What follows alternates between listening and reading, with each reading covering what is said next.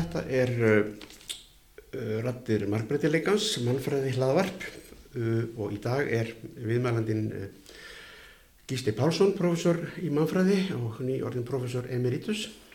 Hann er fættur 1949 í Vestmannegjum og hann er sennilega sá sem hefur stund, stund á mannfræði lengst allra Íslandinga. Hann er svo fyrsti sem að útskrifast um mannfræði Háskóla Íslands og hérna hann lög bíanámi 1972 frá Háskóla Íslands, síðan lög hann masters námi frá Háskólanum í Manchester 1974 og doktorsprófi frá sama skóla 1982 og Gísli á sér langan og, og farsælan feril getur maður sagt og hérna hefur að mörguleiti komið víða við í sínum fræðastörfum og, og, og eftir að líkur aðragrúi af, af hérna greinum og bókum og rýtstirum bókum og hérna og hérna og þó sem hann hafi nú komið svona víða við í sínum fræðum þá má segja svona einn megin þráðurinn í hans fræðastörfum hafi verið það sem að tala um sem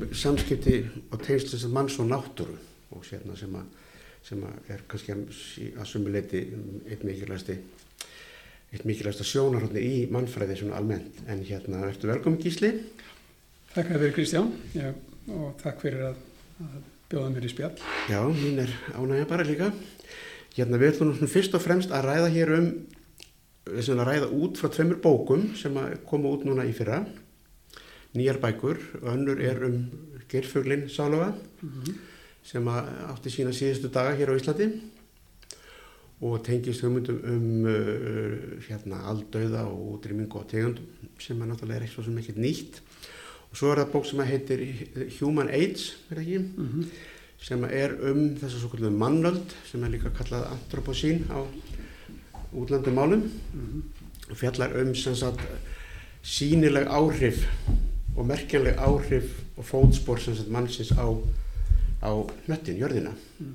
og, og hérna og hérna og þessar bækur svona skarast svona svolítið þetta er, þetta er svona kannski eitt af því og þetta tengist náttúrulega þessum loftlasbreytingum og, og öllu öllu því saman uh -huh. þannig að uh, við munum fara svona svolítið inn á þær slóðir þannig að uh, þannig að ég ætla bara að gefa þér orðið gísli og, og, og, og þú myndir kannski aðeins svona segja frá þessum bókum svona, hvernig? Já, já það er uh, þá er tilvílun að þessar bækar, bækur kom báðar út í, í fyrra en uh, gerföglun er svona 5-6 uh, ára pakki ef svo má segja og laungar hans svona vinna og og ferðalög til Breitlands og Danmerkur og, og, og innan Íslands og svona skjala leit og, og viðtöl og grúsk og svo skriftir. En, um, en það var mjög gefandi og skemmtilegt og síðustu ár kannski síðast áratug þá hefði mér svona fundist í vaksandi mæli að, að uh, það væri meira virði sko uh, fólkið í því að, að skrifa bækur fyrir almenning sem að hugsanlega hefðu áhrif út fyrir akademíuna heldur en strángfræðilega bækur eins og ég hef kannski verið að glíma við uh, lengst af á ferlinum en hvort ekki það er nöðsynlegt en, en einhvern veginn uh, liggur það meira fyrir mér núna að, að, að skrifa bækur sem eru ætlaðar almenningi og, og gerföglin uh, uh, svona heitlaði marga hann, hann á eitthvað streng í landsmönnum mm -hmm. þrátt fyrir aldauðan hér kannski einmitt vegna þess og, og það hérna svo glíma við við gerfuglinn náttúrulega gaf mér færa á að, að fara ofan í söguna á uh, umhverjusmálum, hugmyndum, vesturlandabúa um, um náttúruna og, og uh, upphaf mannaldarinnar sem við eftir að ræða nánar og, mm -hmm. og, og hérna Viktoríu tímann og tengja þetta allt inn í, inn í söguna af örlugum gerfulsins einnar tegunda þannig að það er svona Ég hefði gaman að að skrifa svona í nótskotn einn, æfisögu einna tegundar eins og maður segja eða síðustu æfiskeið Mm.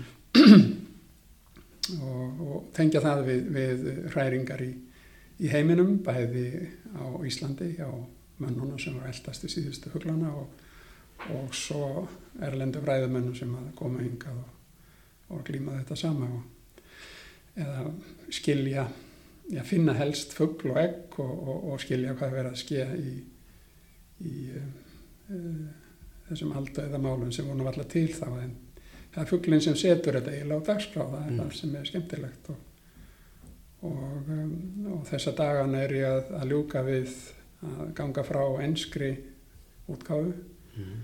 Og uh, Anna Yates þýttana fyrir mig eins og tærar bóka minna og, og gerði það bríðilega en svo þurfti að rittstýra að það er öðruvís að skrifa fyrir eh, heimsmarkaðinn eða engisasneska markaðinn heldur en fyrir jólabókamarkað á Íslandi og, og, eh, og maður þarf að pakka svona íslenska efninu svolítið saman og, og, og eh, auka hitt sem að skýrskota til víðari hóps til fræðimanna og áhamanna um, Mm. um eh, náttúrumál og það er svona plássir meiri kenningu og teóri og, og, og, fræði og samanburði í, í því samengi þannig að enska útgafan er, er verulega aukin og, og Mm. breytt alltaf því bara ný bók.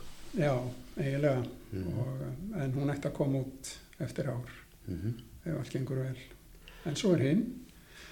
Uh, hinn uh, kom bara svona eins og laumiforþeg sko, ég ætlaði nú bara að klára þennan gerfugl og, og uh, róliheitum en, en svo allt í einu bauðs mér að, að ég hef ekki hugmyndum af hverju en ég fekk tölvupóst frá bresku fyrirtæki og Elbeck sem að spurði hvort ég vildi ekki skrifa bók um mannöldina Mm. Og eftir svolítið umhugsun, þetta náttúrulega raskaði mínum plönum, ég var farin á eftirlaun og, eh, og hérna eh, hafði ekki séð fyrir mér svona neinn ein stór verk eða mikil átök.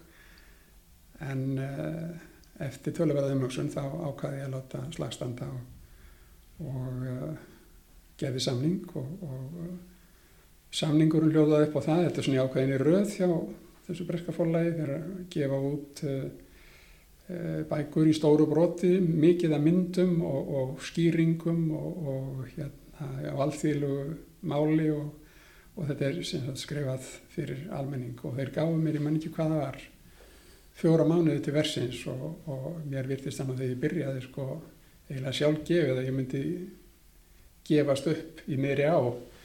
En, uh, en það tókst og og ég mjánaði með, með það hvernig að útgáfinu var staðið, staðið þetta er svona, Það er vegilega bók og mynd skreitt og já, hún er vel hönnuð. já, já, og, og rítstjórar forlagsins lögðu tölverti í púkið sko að finna myndir og Mm. gröf og svona sem er nú ekki mikið af en fyrst og fremst er þetta svona mannlífið og Mm. sagan og reyna að skýra sögu mannaldar, hvenær hann kemst á dagskrá, hvað, í hver hún er fólkin og öll vandamálin og, og það var náttúrulega tölver rannsóknar fyrir, vinna fyrir mig þó ég hefði haft, lengi haft áhuga á, á, Mm. á umhverfismannfræði og, og umhverfismálum þá, þá uh, vissi ég ekki smáatrið um áhrif, um áhrif sko, hérna, geislunar kjarnorku á, á hérna, lífkerfi eða, eða samhengi mannaldar og, og, eh, og eh, storma Mm. uh, jöklarstaðu nærmanni en margt annað en, en svona ég þurfti að sökka mér í margt sem ég hafði ekki hugmyndum og það var bara alveg sjálfstæð rannsóknar vinna og, en, uh, en það gaman að segja frá því að, að nú er bókin uh, að koma út í næsta mánu á, á japansku og, og búið að þýðan á kemversku líka og Mm. ég veit ekki nákvæmlega hvernig það kemur út en já. og í Slovakíu líka Mm en um, þannig að það er gaman að, að skila, skila þessu af sér svona þetta er í því formið á að ná til almennings og, Mm. og samt með svona mannfræðilegt ívaf Mm. að, með áherslu á mannlífið. Já, bara mikilvæg, mikilvæg, maður að segja, skilabóð. Já, Þannig. Og hérna, en hérna, þessi mannöld svo kallaðum, hún hérna er náttúrulega til, til, til nýtt til komið sem svona hugtak, mm. er það ekki svona bara í fræðum og eftir þessi besti þar þá er þetta ennþá svolítið umdelt, er það ekki? Mhm. En hérna, hve- hve- hvenær hérna verður þetta til? Hvenær verður, þetta verður náttúrulega til upp úr því að, að, að menn fara að hérna sjá bara einhverjar breytingar á, Mm. á þessu vistkerfi sem við búum í Mm. og hérna, og sem að greinlega eru nýs eðlis Mm. og, og greinlega af manna völdum. Þannig að hvenær við erum svona fyrstu teiknin og svona Já. það er góð spurning. Eh, Það er, uh, ég ræði það aðeins í bókinni sko, þetta upphaf, en það var eitt af því sem ég lærði í þessu ferli að Buffon greifið eða hvað hann hétt í Fraklandi á, á átjönduöld skrifaði mikið verk og, og þar er um svona sögu náttúrunar og, og þar er uh, lokakablin um um uh, skeiðið sem að maðurinn hefur mótað. Þetta er held ég fyrsta uh, vísbendingin um það, menn sé skinja það að, að það sé eitthvað nýtt að eiga sér stað og, og þá er uh, einbildingin ekki komin til sögunar en, uh, en plantegröðnar og, og nýlendustefnan og, og uh, þrældómurinn og það allt og, og, og náttúrulega uh, eldarnir sem menn beisluðu eða mistu tök á, á fyrir sögurskýðum, þetta er alltaf Mm. allt var það að skila sér, en þannig að Buffon skinjaði það að það væri náttúrulega akkurlendi víða mjög mótað af, af, uh, af mönnum um, en uh, en það er nú ekki fyrir en svona á setni helmingi síðustu aldar sem eru í alveg farin að tala um nýjan tíma og, og uh, og hérna umhverfis sakfræðingar eins og uh, uh, ég man ekki hvað hann heitir en, en uh, í svipinu en, sak, sakfræðingar voru að segja það svona á, á nýjunda áratögnum að, að það væri eitthvað ný, nýr tími að, að ganga í garð og, og Mm það fór ekki fram hjá neinum að sko umhverfi var að breytast uh, mjög ört. En uh, menn áttu samt ekki heiti á þetta. En um, það eru svo uh, jarvísindamenn sem að koma með heitið og gerist með dramatíst á, á ráðstefnu þar sem að að eitt jarfræðingurinn segir að sko menn hafi verið svona uppteknir af því að tala um holosín, það er skeiðið sem er í, í gangi, það þurfa að brjóta það upp og, og hérna, nú sé eitthvað algjör, algjörlega nýtt skeið í mannkynnsögunni og, og hann bara fleiði þessu fram í, í svona í umræðu meðal jörgistamanna Mm. að það mætti kallaði antroposín og þetta var um aldamótin 2000 og, og eh, reyndar hafði, ef ég maður rétt blaðanaður hjá New York Times notað svipað hugtak, anthrósín uh, örfáum árum áður. En, en það er sem sagt uh, anthróposín mannaldar hugtæki sem að, sem að segrar svona í fyrstu atrinu og, og hérna það kemur sem sagt frá jarðvísindamönnum en síðan settlar þetta inn í mannvísindi og listir og, og allan fjandan en uh, en uh, menn hafa sífælt verið að karpa um það og það er margar lærðar greinar um það sko, hvort þetta sé rétt að hugtækið og, og menn er að stinga upp á ýmsu öðru eins og plantation og sín eða Mm. öld plantegra eða capital og sín Mm. öld uh, auðmaksins og uh, euro sín og ótal orð og allt gott um það að segja að, umræðan um hugtök uh, minni menn á að, að ekkert orð er hlutlaust og anthroposín er mannöld, það er svolítið mann hvert og margir setja spurningamerki við það og það, er, og það líka sko gefur í skina það sé mannkynið eða homo eða tegundin sem valdi hérna þessum ósköpum Mm. sem eru umhverfisáhrifin Mm. en auðvitað er það ekki nema brota mannkynni og það er norðrið og yðinvætti þjóðirnar og Mm. Það er nefnilega það sem að glemist stundum og, og ekki bara það heldur þetta, og þetta bitnar jafnvel verst á já, öðrum sem að hafa ekkert við haft mikið með þetta að gera. já, já. og sömur Afríku uh, Afríkumenn er að tala um sko fræðimenn að tala um uh, afrísku mannöldina og, og með góðum rökum að, uh, að hérna uh, áhrifin eru önnur og sterkari þar eins og þú segir Mm. og, og, og, og, og þeir hafi ekki átt upptekinn þau koma að utan Já, já. Þannig að, en, en eh, og svo hafa menn sagt sko að öll döðmaksins er svona raunsæra, þetta er ekki spurning um norður eða söður eða, eða mannkinn í held, þetta er ákveðið skipulag á, í mannheimi og auðvald skipulagið eða markaskerfið sem hefur svona drifið all þessi ferli og kert þau eh, yfir all mörg og með þeim áleðingum að, að, að þessi, þessi umhverfis áhrif all blasi við. En, eh, en eh, ég held að margi séu nú hallast að því núna þá að þetta karpum hugtöks hafi verið nöðsilegt og svona skerpt svolítið sínmann á, á vandan og, og, og söguna þá þá, eh, þá dugi þetta nú bara ágæ- ágætlega sko þessi mannaldar hugtök og Já, það verðist að vera svona festið svolítið svona í sessi í umræðinni og það er svona komið svona meira sátt um það en kannski var. já, Já, þetta er hérna, þetta er hérna, og þetta, te- og þetta tengist náttúrulega allir þessi, þessi, þessi meðvutund og bara þekking sem að hefur gert að, að, að við erum farin að hérna gera eitthvað grein fyrir þessu og, og allar þessar breytingar sem að náttúrulega fylgja þessu og það er verið að tala um svona eitthvað djúb tíma, eitthvað svona djúb sögu mm og að því varst að minnast á sko jarðvísindamenn sko, það er, það minnir mér svona reynda svolítið, þetta myndi mér þegar ég var að lesa þetta, myndi mér svolítið á það sem að hérna, Levi Strauss var að tala um einu sinni, -hmm. að það sem hann hefði orðið helstu áhrifavaldar hans þegar hefði, hefði verið jarðfræði og Marx, já, já, að það væri þessi, stó, þessi, þessi hægfara í, sko, í, lög un, undir yfirborðinu, mm og það bæði svona jarðfræðilega lög sem eru náttúrulega alltaf á reyfingu líka, sko, Mhm. þau eru ekki kjör, þau reyfast hægt og, og, og, það var náttúrulega um þessi hægfara undurlög í, svona samfélögum líka. En hérna en þetta, er, þetta var svona þú veist að tala um eldin sko.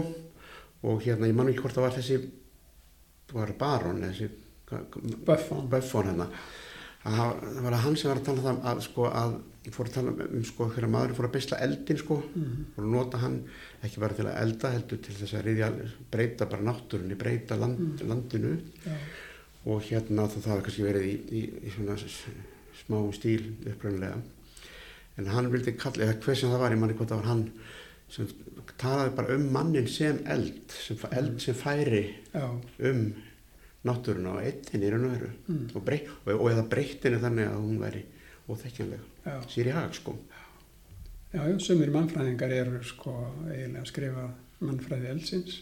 Já, og eh, og hérna hvað gerist þegar menn fyrst beistlan eða, eða missa stjórnar á hann oft er þannig að það að missa stjórnar á hann þá, þá brenna menn eh, eða eigða heilu ekronum og, mm, og gera breyta hérna, samsetningu tegunda og, og þessi áhrif en það er ekki nema kannski svona 20-30 ár síðan að, að forlega fræðingar bentu á, á það hversu gömul þessi áhrif væru og menn hefði talað um að þó að menn töluð ekki um mannöld þá þá sögðum eins og svo að þessi stórkoslegu áhrif sem að uh, maðurinn verðist hafa á plánetuna að þau séu svona ja, 20. aldar eða, eða 19. eða 20. en, en forlega fræðingar fór að segja að þetta er sko þetta er ykkur þúsundir ára sko Mm. með, með akkurirki og, mm. og uh, með eldinum miklu miklu fyrr Já, já, það er til dæmis bara, sagt, bara í Mesopotami á sínum tíma þar sem að þar sem að þessi fyrstu borgríki urðu til og hérna og, og, og, og, og svona akkurirkja varð eh, þetta er svona mikil út af því að menn fóru að hérna, nota ávetur mm, veita þessum vötnum þarna Tígris og Efrat að á stuttum tíma þá eiginlega það er eiginlega fyrsta dæmið um svona umhverfis eyðingu af mannavöldum mm, í nafni innan kæsaleppa framfara sem sagt. Já, já, þannig að þetta, þetta, er, þetta, er, þetta byrja snemma. Já, og, og, og, og, það má leiða líkur að því að hérna, það hafi jafnvel, sko, fólki hafi jafnvel fækka á þessu svæði í kjölfærið sko. mm. Já, já, víða þá uh, þá ruttu menn skóa og, og, og hérna og brendu reglulega mm. uh, hérna graslendi og, og til þess að fá nýja tegundir eða ferskar eða meiri vöxt Mm. komist upp að lægi með þetta og, með vissu af þá er þau búin að gera þarna róttaka breytingar á, Mm. á umhverfinu. Þannig að þetta er gammalt þetta er náttúrulega bara fyrir tíma kóla brennslu og, og náttúrulega núna olíu brennslu já, en svo er náttúrulega vittneskja okkar um, um tíman að, eins og ég sagði, forlega fæðingar eru kannski að, að komast að raunum þetta að, að áhrif eldsins og mannsins eh, eru hundgömmul en, eh, en eh, á 19. öld eru vesturlandamenn að, að átta sig á tíman ef, ef, ef má segja, svo, svo má segja.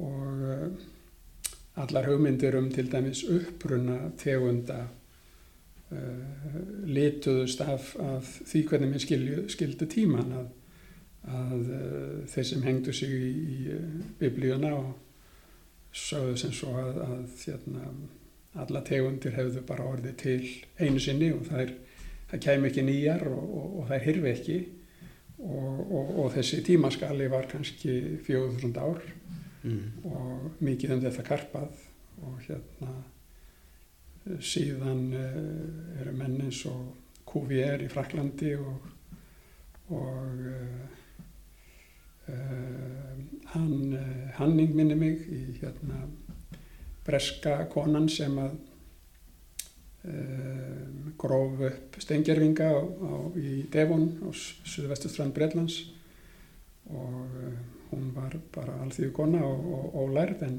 en átti að segja á því að hún var að grafa upp minjar um tíma sem að var löngu horfin og, og tegundir sem að uh, voru ekki lengur til og, og, og þessi vittneskja sem hún kom í hendurnar á QVR og, og fleirum hún, hún var til þess að, að menn fóru að, að tími var eiginlega til sko, djúpur tími eins og við töluðum eða Mm.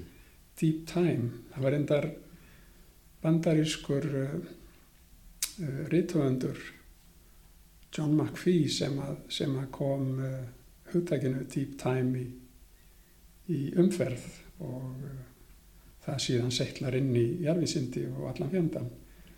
En, uh, en hérna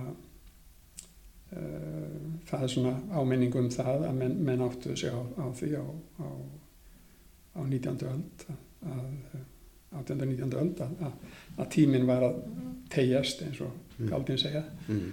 og, og, hérna, og þá þurfti að staðsetja ímsa viðburði, Mm. mannaldar inn í þessu nýja rými sem að þessi nýji tími skapaði Mm.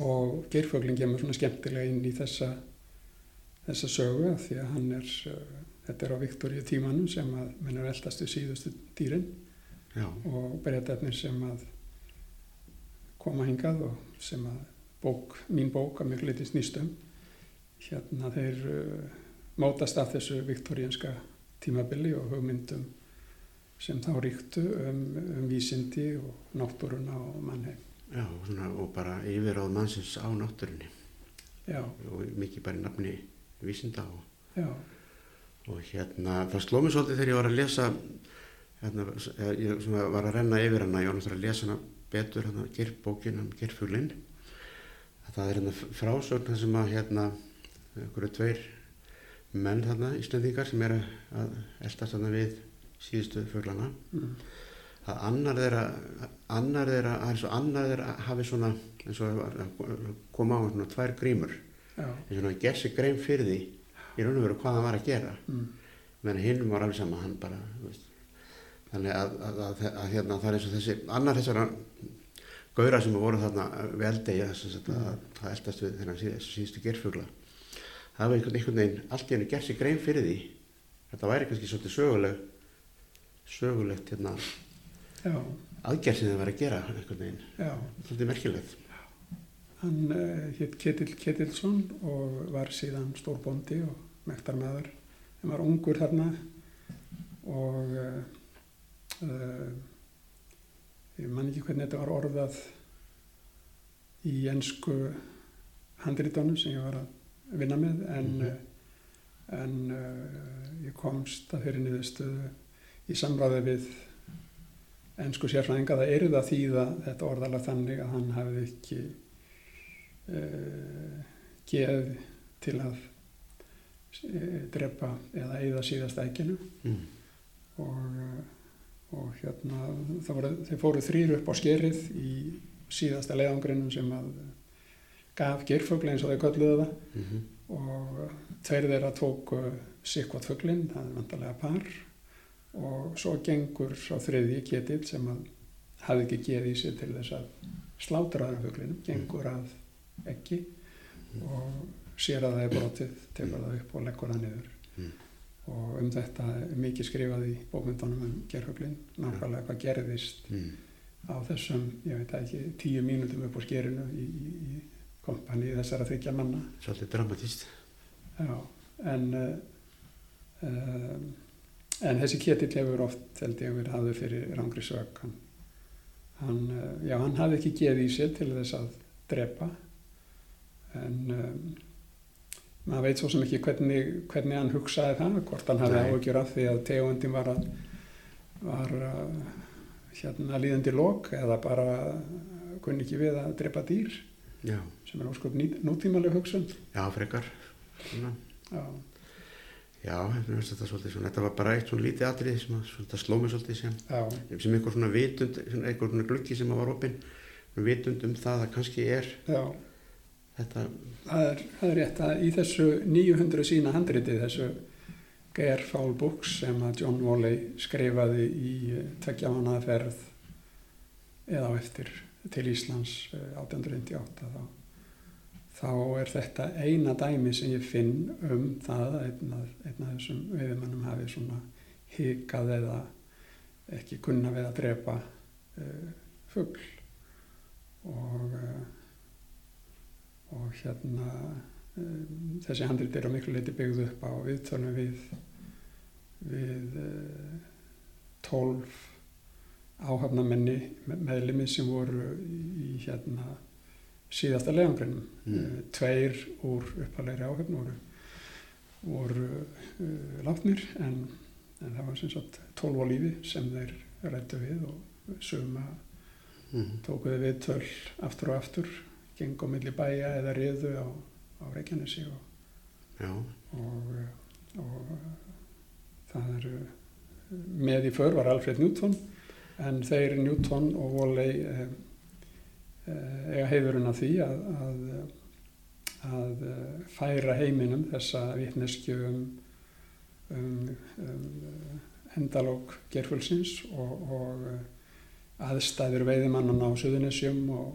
og hugmyndir og, og það eru þetta verðmætt og, Mm. og uh, það er fáhirt, það er kannski í dag sem að sko menn eru að eldast við síðustu sniglana af ykkur tegund eða Mm. fyrildi uh, sem menn hafa tök á því að, að skrásetja og mynda í, í smáatriðum uh, og kannski halda lífi í síðasta sniglinum okkur ári viðbót og dokumentera það allt saman.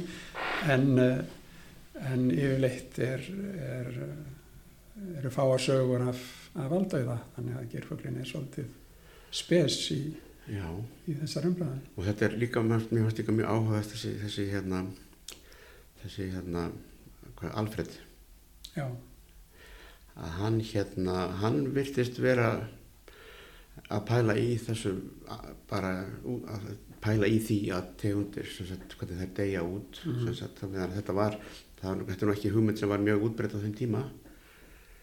Nei, þessi aldauði en það var eins og hann var eitthvað svona hann hafði ágjur að þessu.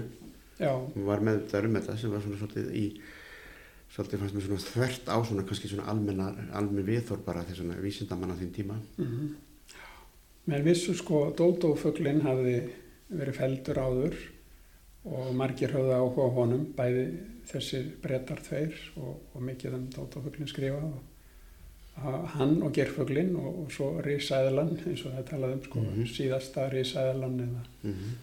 síðasti gerfuglinn svona orðtak við það en uh, en uh, hugtakið aldauði er eiginlega ekki komið í umferð og, og, og ég held í fram í bókinni að, að, að svona hnykkja á því í ennsku útgáfinni að Alfred Newton hafi eh, fundið upp aldauðan ef, svo má segja að, að hann hafi uh, Darwin og, og fleiri töluðum aldauða og, og það var svona bara eina staðreindu lífsins náttúruval bara Já, náttúruval og, og hérna uh, tegundir uh, mynduðust og þróuðust og þá hlaut eitthvað að detta út mm. af borðinu sem má segja og, Mm. og það var þá það sem var útdautt. En uh, eins og maður segir svona eðlilegur döðdæði já, emitt og náttúrulegur. Eða náttúrulegur sko. En, uh, en þessi Alfred Newton eftir, þessa Íslandstöðal hérna 1858 þá, þá verður hann svona svolítill postuli, hann er nú yfirleitt ef- ekki verið talin eitt sko stort númer og, og, og lítið verið hyrt um að, að segja frá honum. Og, og í sem dæmi maður nefna það er svona vaksandi fræði sem er kallað extinction studies eða uh, aldauða pælingar að þar uh, finn ég ekkert sko uh, til marsum það að menn, menn muni eftir þessum kalli frá, frá Cambridge. Uh, en uh, svo hafa kannski bara þessar hugmyndir hans ekki átt upp á pallborðið. Nei það er að koma og hann var kallaði til vittnis hjá þingnefndum og svona og hann stopnar fugglavendarfélag og hann geði sig grein fyrir því að, að saga gerfulsins er svona uh, allegori eða, eða svona saga sem að getur átt víðar í skýrskotun mm. í umhverfismál og pólitík og, uh, og hérna hann setur á dagskrá nýja hugmyndum aldauða sem er, sem er svo að, að þessi hérna aldauði af mannavöldum eða unnatural og, um, og hérna og í sömu tilvíkum þá, þá uh, gerist þessi aldauði sem að er svona prósess gerist hann uh, fyrir framann nefið á mönnum á þess að þeir takja eftir því Mm. og, og þá, þá hérna um, það er bandarískur vísindarsakfræðingur Henry Cowell sem að ég sótt tölvert í sem að fór í saumana á, á, á verkum uh, þessa Alfred Newtons og, og, uh, og svona liti í ljós hvernig hann svona markaðist af, af uh, sínum tíma, af Viktoríu tíman og hugmyndum um vísindi og hvernig hann uh, sko fór lengra en Darwin. Uh, þeir kynntust og, og hérna þetta er svona svolítið dramatíst þegar Newton kemur þegar Newton er á Íslandi í júli 1858 í viðtölum við, við fólk hér í Reykjavík og kirkjuvagi í, í höfnum þá uh, kynna Wallace og, og Newton og Darwin sína hérna kenningu um, um úrval tegunda og uh, Newton og, og Woolley þeir hafa ekki hugmynd um þetta sé að gerjast á Englandi. En skömm eftir að, að Newton kemur til Englands þá fréttir hann að þessu og, og kemst í rítgerðir uh, Darwins og, og uh, Wallace og, og verður algjörlega tendraður Þannig að hann stopnaði kynna við, við Darwin og þeir skiptast á brefum og það er gagkvæmar heimsóknir hérna á Suður Englandi. En, eh, en uh, þessi Henry Cowell spendir á sko að, að, að Darwin hafði, hafði engan áhuga á, á aldauða sem var eiga sér stað hér og nú. Hann segði kannski ekki mikið um, um val og þróun tegunda en það var akkurat það sem að Newton hafði fyrst og fremst á að mm. fylgjast með síðustu æfi árum einna tegundar geirfuglsins og, og hérna og spyrja sem svo hvaða þýðingu það hefði fyrir umfjöllumanna um, um lífríkið og, og aðra tegundir þannig að uh, í bókinni enskútgáfni tala ég um, um newtonska orðið Newtonian er yfirleitt notað um uh, hérna eðlisæðingin fræga sem var líka í Cambridge en löngu áður Það fyrir eplið hausinn.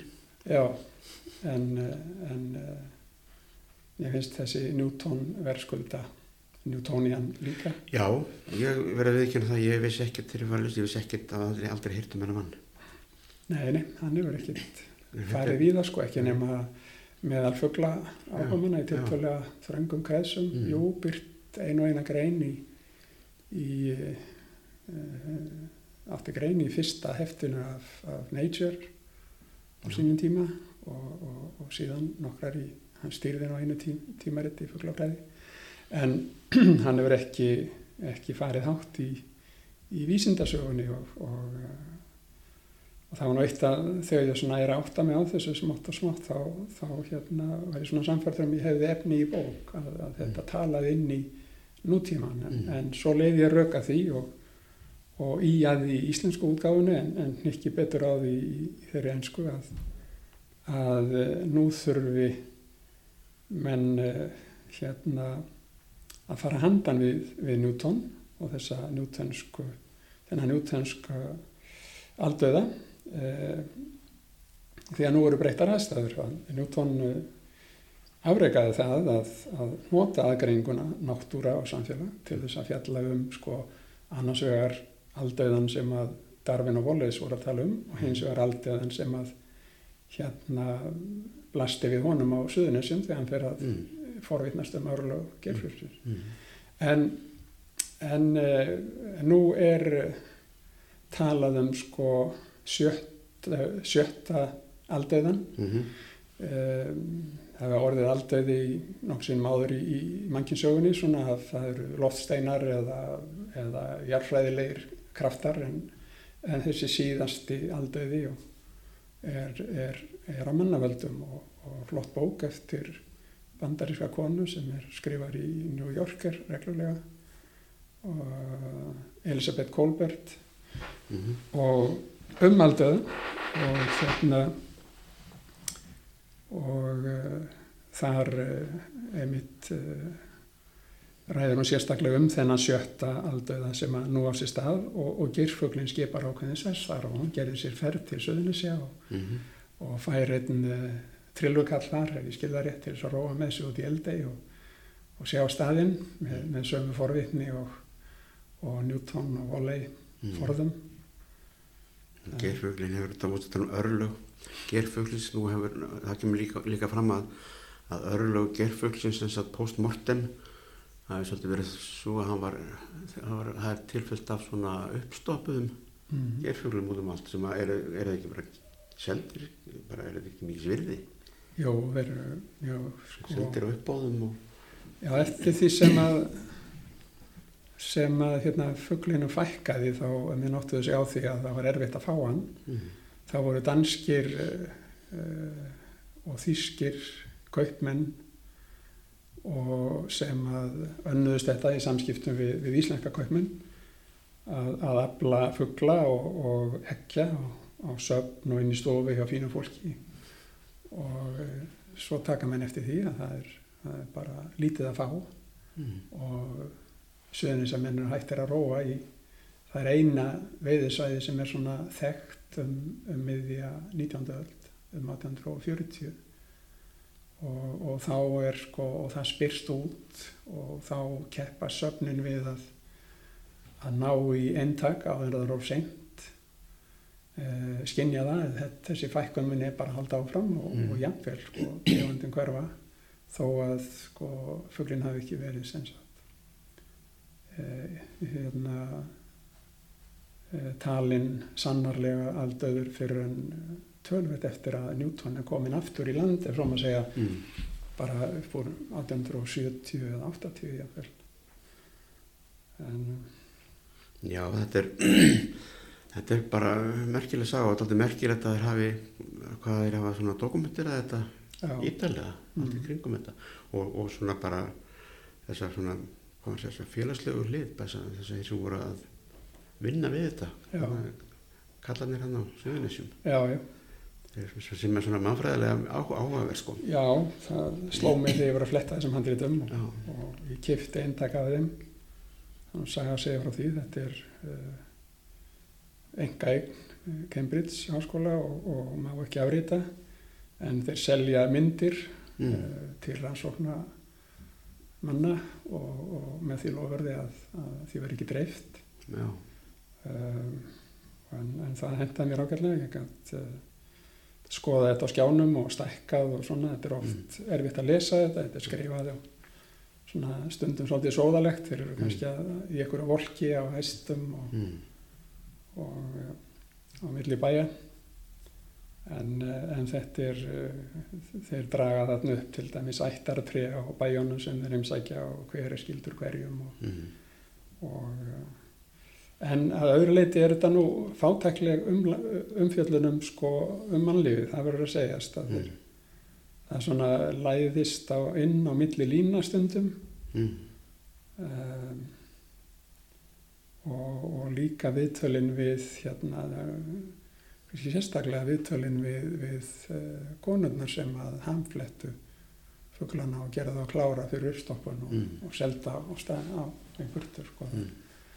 það er, uh, það er nokkur viðtöl við, við þær uh, það er svona svipað með hana anning þarna sem að sem að safnaði hérna stengirvingum Já, já. Breitlandi og Já. uh, fá kannski ekki alveg sama rúm eins og kallandir en, en, uh, en uh, þeir hafa lustað á þær og nota tölvera vitninski þær þekktu í rauninni fuglin betur heldur en kallandi sko þeir Já. bara skröppu upp á sker og korter hálftíma slátruðu og, og svo í land já, að það er gröfðu dýrið. já það er kuðu dýrið og þefuð að því og Mm. mm. skinjuð lít og, og hérna, þekktu allt innvolsið Þetta er náttúrulega, þetta er svona, þetta er svona, vola svona, sorg- maður verður svolítið sorgmætur þegar maður lesa þetta sko.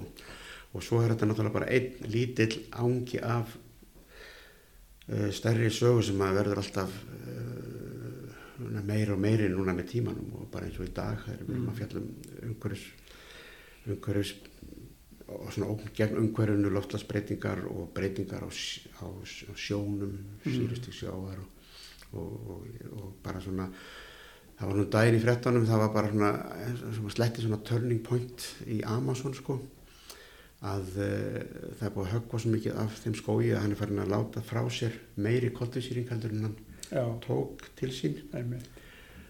Og, uh, og hérna þannig að við erum alltaf, þetta er orðið svona aðkallandi mál núna, þetta er ekki Já. eitthvað svona curi- curiosity fyrir einhverja viktoríanska kalla frá Breitlandi heldur er þetta náttúrulega bara orðið sko þetta, já, þetta fótspor eða fingrafar það er orðið svolítið svona já, svona fyrir að fara að brenna svolítið. Einmitt.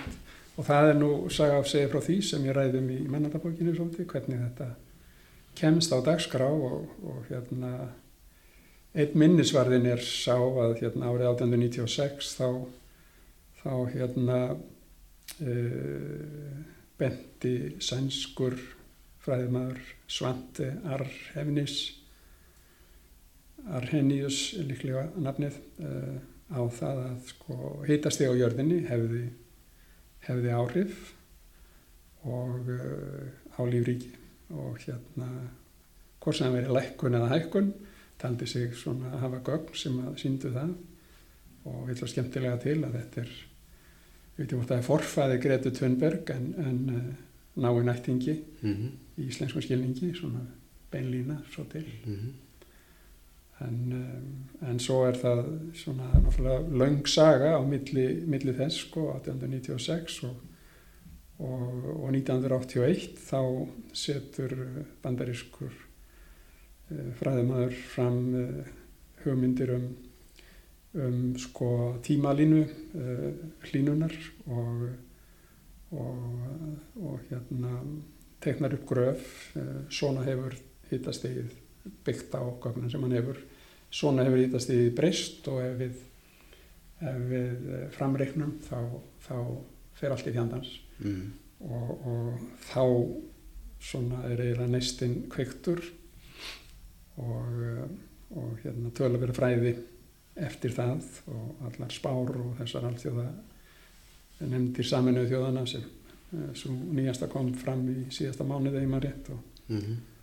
Það sem við, það sem við menn telja það staðfest að, að, að haldi áfram sem horfir þá, þá verði eiginlega óvært á jörðinni eftir, eftir öld Já. og jáfnvel bara eftir nokkra ára tíð verður, Mm. verður allt lífið í heimsamfélagið í mjög stóra venda. Já, já. Og hann hérna, þetta er náttúrulega, úrst að tala um hitun, hlínun loftslags og, náttúrulega hlínun sjávar og, náttúrulega náttúrueyðingin og mm. náttúrulega um aldauða, náttúrulega alveg komið að svakara skrið á sko fjölda tegunda sem er að deyja út bara reglulega og í, út af þessu. Já, og hérna hann tala svolítið um þetta hann Andri Snæri í bóki, bókinni sinum tíman á vatni sko. Já, að, að það sem er kannski svona alvarlegast í, í þessu, ferli er það að það er að, fara, það er að eiga sér stað sko alveg grundvallandi sko breytingar á vassbúskap jarðarinnar.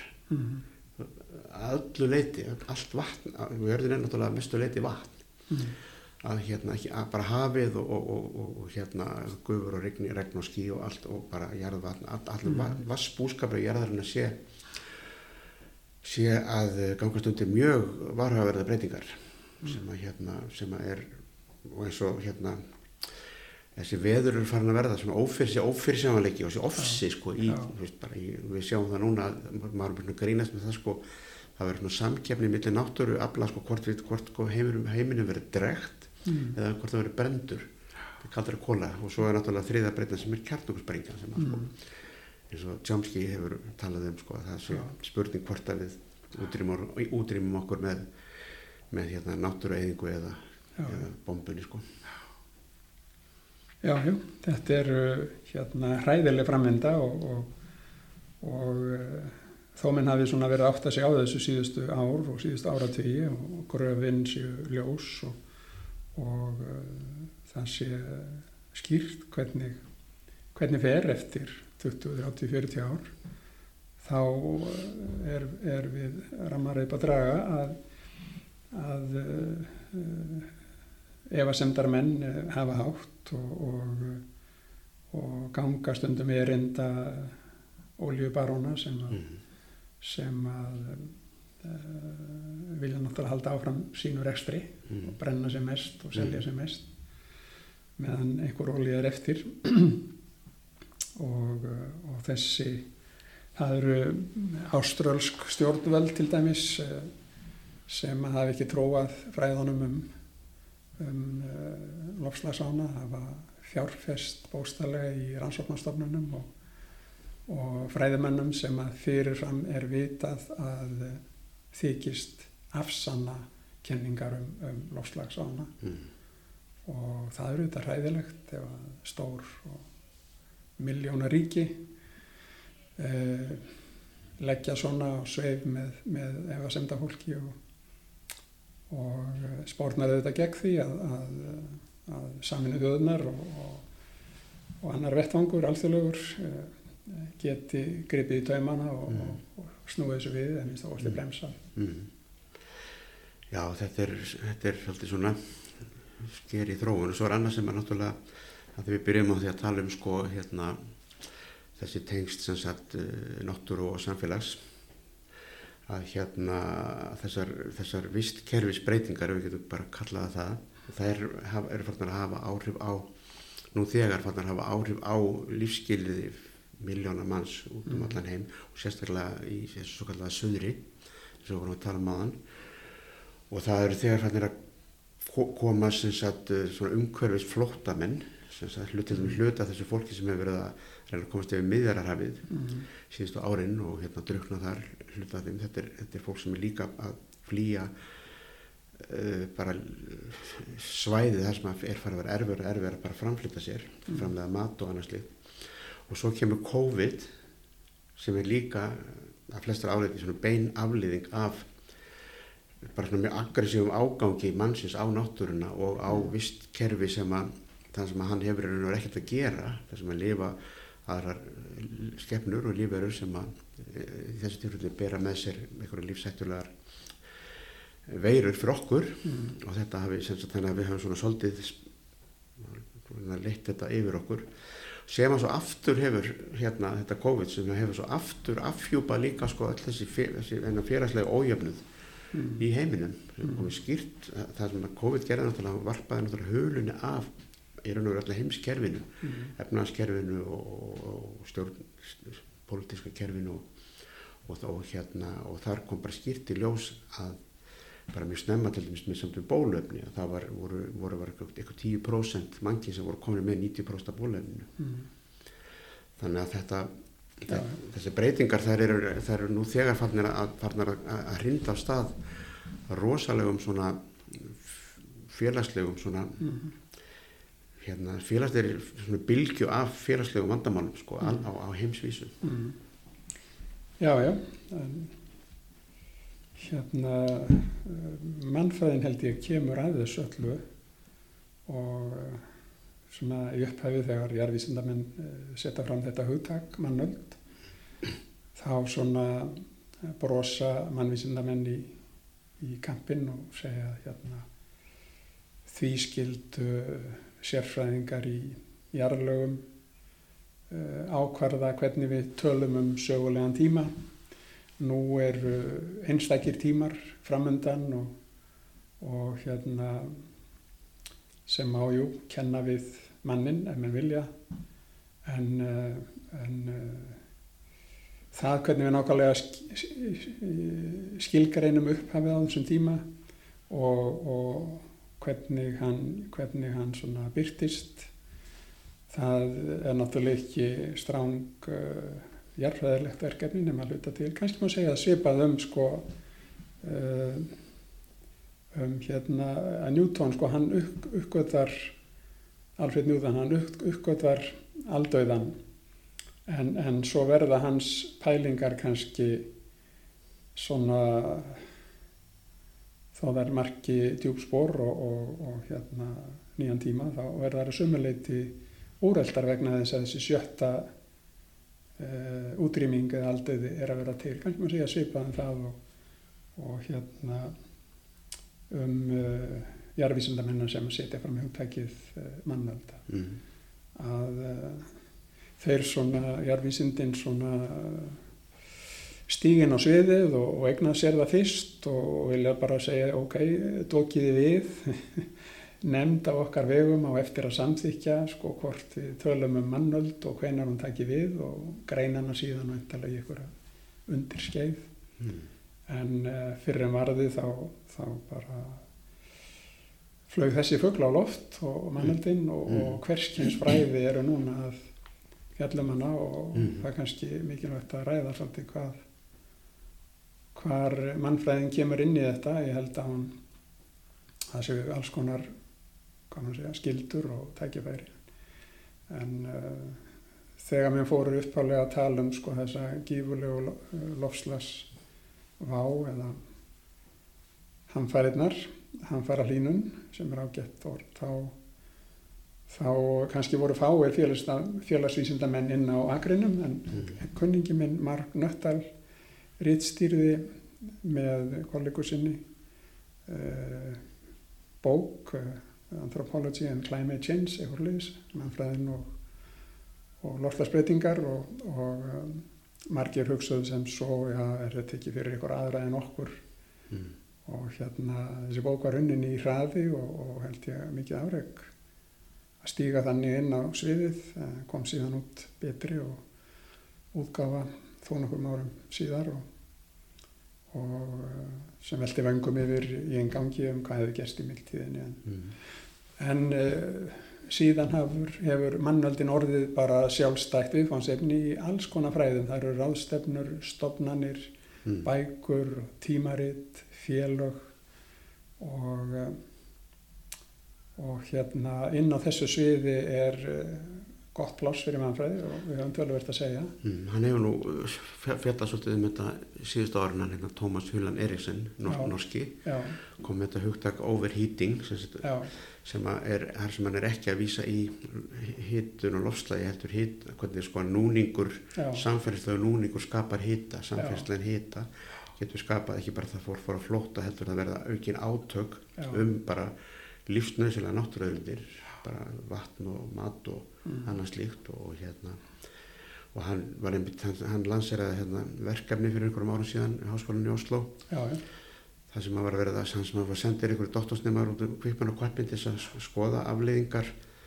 þessara breytinga á allskins samfélag hér og þar. Já, þannig að þetta er alveg kjörið, þetta er náttúrulega og hans verkefni sem ég hef aðeins kynst uh, hérna er, er gott dæmi um, um, um það hvað mannfræðingar er að gera og að hérna, það er töluvert pláss þarna fyrir okkar aðferðir og þekkingu að, mm. að kanna aðstæður á tilteknum stöðum og svæðum og ræða við fólk skoða söguna og, og, og þar fram til göttunum og, og, og þetta er ómetaleg einsýn í, í uh, öll fræði um, um mannaldina í dag. Já, já, og þetta er og þessar aðferðir mannfræðinar til dæmis bara svona vettfóns rannsóknir, þetta er náttúrulega líka bara að, að, eins og segir bara að, að tala við fólk og, og, og, og rannsaka þetta og líka bara að bera vittni, vera kannski einhver tíma á einhvern stað og sjá bara bera vittni um það hvað hvað áhrif þetta er að hafa á líf fólks almennt sko en svo hérna, þannig að þetta lítur ekki mjög vel út. Nei, En svo er náttúrulega spurning sko, eins og þú talar um þarna í logbókarinnar, eitthvað kapli hvort það sé eitthvað von, mm, hvað getum við gert? Og það er náttúrulega hægt, og Andri Snerður sem talar um þetta í sinni bók þarna um tíman á vatnið, að það er hægt að, það er hægt að, það er ekkert að snúsum við kannski núna, það er hægt að hægja mikið á þessu, mjög, mjög, mjög drastiskum aðferðum, en, það, en það er hægt mm, ef það er pólitísku vilji fyrir því. já, Og svo höfum við nú hérna, hérna heilögu hérna Gretu Thunberg sem að er mm, sem að mér persónulega finnst vera algjörlega bara briljant, briljant stelpa sko, Mm. bara hún er alveg ótrúlega hugurökk og, já, og, og, og, og klár og svona fylgir sér. Já, og hefur náttúrulega verið upp á móti mestu bara öflum í heiminum. Mm, og hérna og það er komin, sem sagt, það er komin þessi hreyfing sem, sagt, sem er kallað hérna Extinction Rebellion. Mm, það er komin svona andspyrnu hreyfing mótmæla hreyfing gegn þessum bara aldauða, ef við getum sagt það mm, og fullt af ungu fólki er að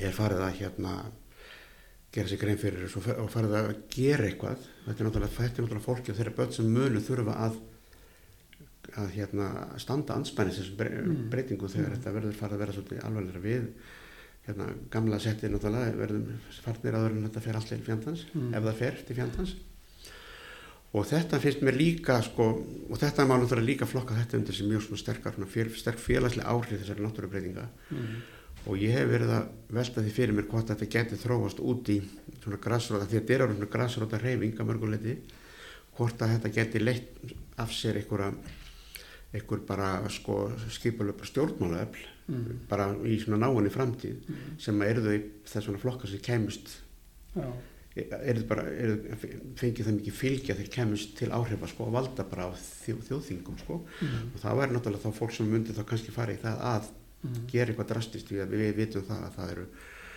mjög viða í, svona rí, ríkustu hérna, ríkjum í heimi. Og það eru náttúrulega rosaleg áhrif og lobbyismi mm, þessara hérna þessara dæmis og sem að hérna og herrgagna eðinaður, það glemist það er svona eitt, eitt sem hefur, er aldrei talað um sko í sambandi við uh, mengunar valda.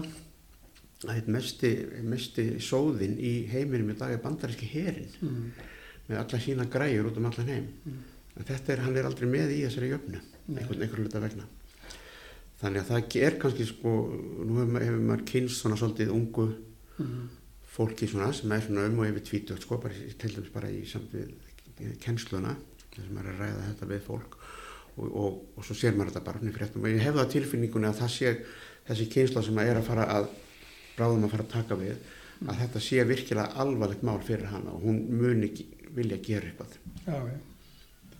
Já, já, þetta það er uh, svona dramatísk þróun, pólitíst og, og margt að gerast í fræðunum skilsmið í stjórnmálafræði til dæmis menn að tala um svona swarming eða ger eins og fugglager það er eins og einhverja sjálfsbrotnar uh, hérna reyfingar og hérna óháða landamærum og náttúrulega erfitt að að, að hérna, reyða sig algjörlega á saminu þjóðunar og, og, og, mm. og svona eins og Glasgow-fundin vendalega og slíka mm. viðbörði á tíu ára fresti eða eitthvað slíkt það, það er einhver gerjun í græsrótinni sem ekki er hægt að spá fyrir um og kannski vonast að stýra en e, á sama hátt er, er margt í, í umhverfinu sjálfur sem er kaotíst og erfitt og mm. að skilja og hérna þessa pælinga mínar fyrir hérna bókina The Human Age ég rak mig á það aftur og aftur að það var eins og menn áttuðu sig á því sko í öllum umræðum og spám að ástandi var verra heldur en þeir spáðu. Mm. og hérna og það er náttúrulega já, hraðari breytingar mm. og, og, og, og alls konar svona spin-off. Mm. eins og til dæmis þetta að henni uppgötu allt í einu að sko gífurlegt metanmagn fyrir að seitla upp úr, úr sífreranum sem áður var á, á Norðurslóðum. Með, með þá bara verða að stokk upp jöfnunar og, og, og, og hérna mótelinn og sífrið, eh, metangas er náttúrulega mörgusinnum skalera þetta er nokkuð tíma koldvísýringur sko. Já, já, en eh, en við eigum að ráða við þetta. Við, við getum þetta, það er málið. Já, við byggum þetta til og mm. og ég hef stundum vísað í, í hérna ósónlægið þegar menn áttu þessu á því nokkuð snögglega bara 1980 eh, að eh, ósónlægi var að þinnast yfir söðurskutinu og, og gata myndast og sólageislarnir streymdu óhendrað inn í, inn í hérna á jörðina og, og með alls konar hættu meðal annars uh, áhrif á, á hérna, gróðurúsaloftegundir mm -hmm. og, og uh, krabbamenns mm -hmm. uh, valdi og, og, og þar hundi gotunum en, en ríkin svona á ríkja grundvilli þá tókst það að, að hérna saminu þöðnir við gerðum samkónau um það að banna framleyslu á á þessum efnum sem á ollu mm. mm. spillingu ósónlagsins mm. og það sá engin ósónlagi eða ósóngati, það, það, það er ósýnilegt já, já. það er mælanlegt með, já, með tækjum og, og, og þetta tókst en síðan hefur sko uh, hafa komið til skjálanir þessar hérna falsfrettir og, og hérna alls konar markasetning á á lígum bóstallega, fölskum uh, fræðum og, og peningum dælt í, í menn sem telja sig geta sannað að þetta sé bara ok og mm. bara haldið áfram. Jú, jú. En, en samt eiga menn að halda í vonina og, og þannig lauk ég minni bók og menn hafa svo sem staði fram á framið fyrir katastrófum oft áður í, í mækinsögunni og, og og uh, það hefur verið spáð endalókum í, í sjálfsagt í öllum trúabræðum margar heimsendaspár sem ekki hafa ræst. og hérna og enginn hefur ræst nei en nei. þessi hefur góðan séns en já, við hefum samt að, já, já. að þetta er bara pólitísku vilji það er, ég man ekki hvar ég las það það var eitthvað sem var að tala um það sko, að bara kostnaðurinn við það að rétt að, að fara í aðgerði til þess að spórna við þessum þessari þróun sé bara brot af því sem að fer í herrgagna eh, kaup mm. á frekar stundum tíma ah. þetta er svona eins og að breyta sverði í pló eða þannig þetta er, þetta er tæknilega þetta er tæknilega, að séð er hægt að gera þetta ah. Og það er við höfum efnaði mm. við, en við höfum ekki efnaði að gera það ekki. Nei. það er náttúrulega málið. Og við erum kannski fyrst núna að sjá það. Já, og við skuldum börnum okkar og bara já, já, að gera allt sem við getum. Já, þannig að þetta er þetta er hérna hérna en svona þessu fyrir nú, þetta fyrir nú að fara, að vera búið tíminn. En mér bara langar alveg rosalega gísli að spurja það aðeins hérna bara svona, svona utan dasgrár hérna því nú ertu búin að eiga mjög langan feril sem mannfræðingur. Mm. og hérna og um því alltaf bara svona farsælan feril og þú hefur staðið alls konar rannsóknum veit ég. Og þegar þú lítur svona tilbaka þú veist, þú hugsa um velti fyrir þér bara veist, þessu, þessu fægi sem þú búin að vera að starfa við mm. mannfræði hérna, og hér á Íslandi hvað, hvað sérðu? Eða hvað finnst þér Já. Já, ég var í fyrsta hópnum sem að við vorum þrýr sem útskrifaðumst með BA-próf hérna í svo kallum almennum þjóðfélagsvæðin eh, 1972 og eh, eftir 30 ára nám og eh, þá hefði þessi fræði hérna komist á dagskrá og það hefur staðið til að halda upp á hálfur aldar ammali en uh, það hefur alltaf dreigist vegna COVID en verður fyrir það síðan og uh, stúdendar uh, með aðstókofra manna kom með þessum fræðum inn í dagskrá Háskóla Íslands og, og hérna, við hoppuðum á vagnin þarna. Fjölmargi stúdendar þetta var svona í kjölfar stúdenda óerða 68, 69 mm. og, eh, og hérna mannum þótti brínt að fræði um samfélagið og mannin kæmust á dagskrá. Og, það svona högti og, og, og eh, margi settu stóra spurningar við, við þessi fræði. Þetta væri hrein pólitík og, eh, og hérna og það var svona barningur í upphafi en, en, en smátt og smátt þá festi þetta sig í sessi og, og um, ég held að það sé gott að hafa það í huga svona erfileikana og síðan sko sigrana svo, svo bara tókst þetta bísna vel. Við, við erum með held ég príðis prógram í félagsvísindum og, og mannfræði þar með talinn og svona hefur látið til okkar taka og, og hérna um, á þessum tíma hefur augljóslega sín okkar á mannfræði, vettvansaðferðir og skil á milli fræðigreina og náttúru og samfélag og allt þetta töluvert breyst. En uh, ég held að mannfræðin eigi enn meira erindi til uh, uh, samtímans en, en áður. Og þegar ég er að hefja nám þá þá um, var það eiginlega nána skilda að mann færi í vettvang sko, eitthvað út fyrir Európu, eitthvað út fyrir þorpið sitt. Mm. og þegar ég hérna ákvaða að skrifa emmaritgerðum um fiskveiðar, fiskveiði samfélög í Manchester og síðan doktorsverkefni byggt á vettvangsrannsókn í, í uh, sjáaplássi á, á Íslandi, Sandgerði þá klóruðum við sér í öðinu og hérna í mannfræðdeldinni Manchester sem hafa bísna þekkt á sínum tíma það talaði um því Manchester School Mm -hmm. virðuleg deild en, en, en álega allir sem þar voru höfðu, höfðu stundað uh, vettvansansóknir á svo nefndu Koparbelti, svona Mið-Afrika Mm -hmm. Sær og Kongo og, og, og hérna þetta ótti skrítið, það, það var enginn sem svona læði stein í götu mína.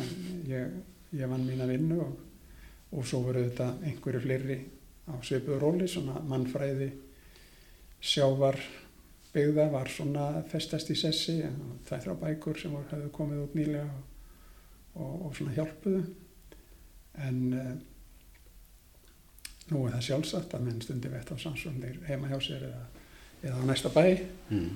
og, og, og viðfangsefnið er svona laus úr þessu exotíska eða finnum það exotíska Mm. bara hver sem er Mm og uh, ég held að eins og við verðum að ræða um að mannfræðin hún, hún, uh, hún á erindi til samtímans og það er svo margt sko, um hugmyndir um.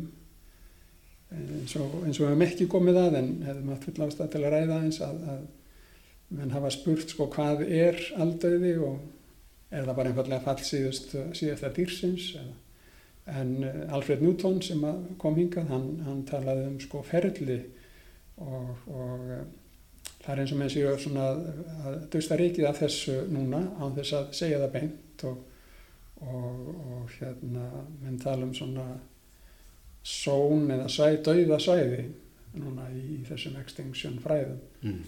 og uh, tegundir komist inn á ákveðið dauða svæði og þá er það meðal ekki við bjargandi nema með einhverjum miklum aðgerðum Mm.